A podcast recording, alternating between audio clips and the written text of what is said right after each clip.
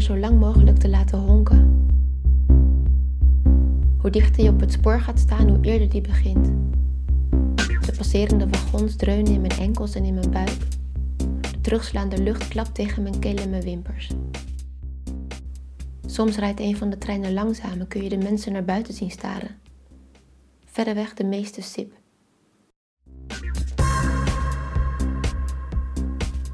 Het pad voert dwars door allemaal hete planten.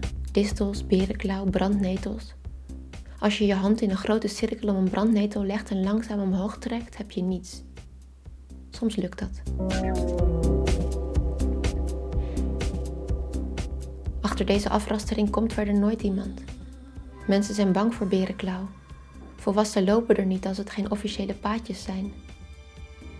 Witte bloemen staan er in de schaduw van hun eigen groen. Er groeit dovennetel, kleefkruid, puzzelkruid.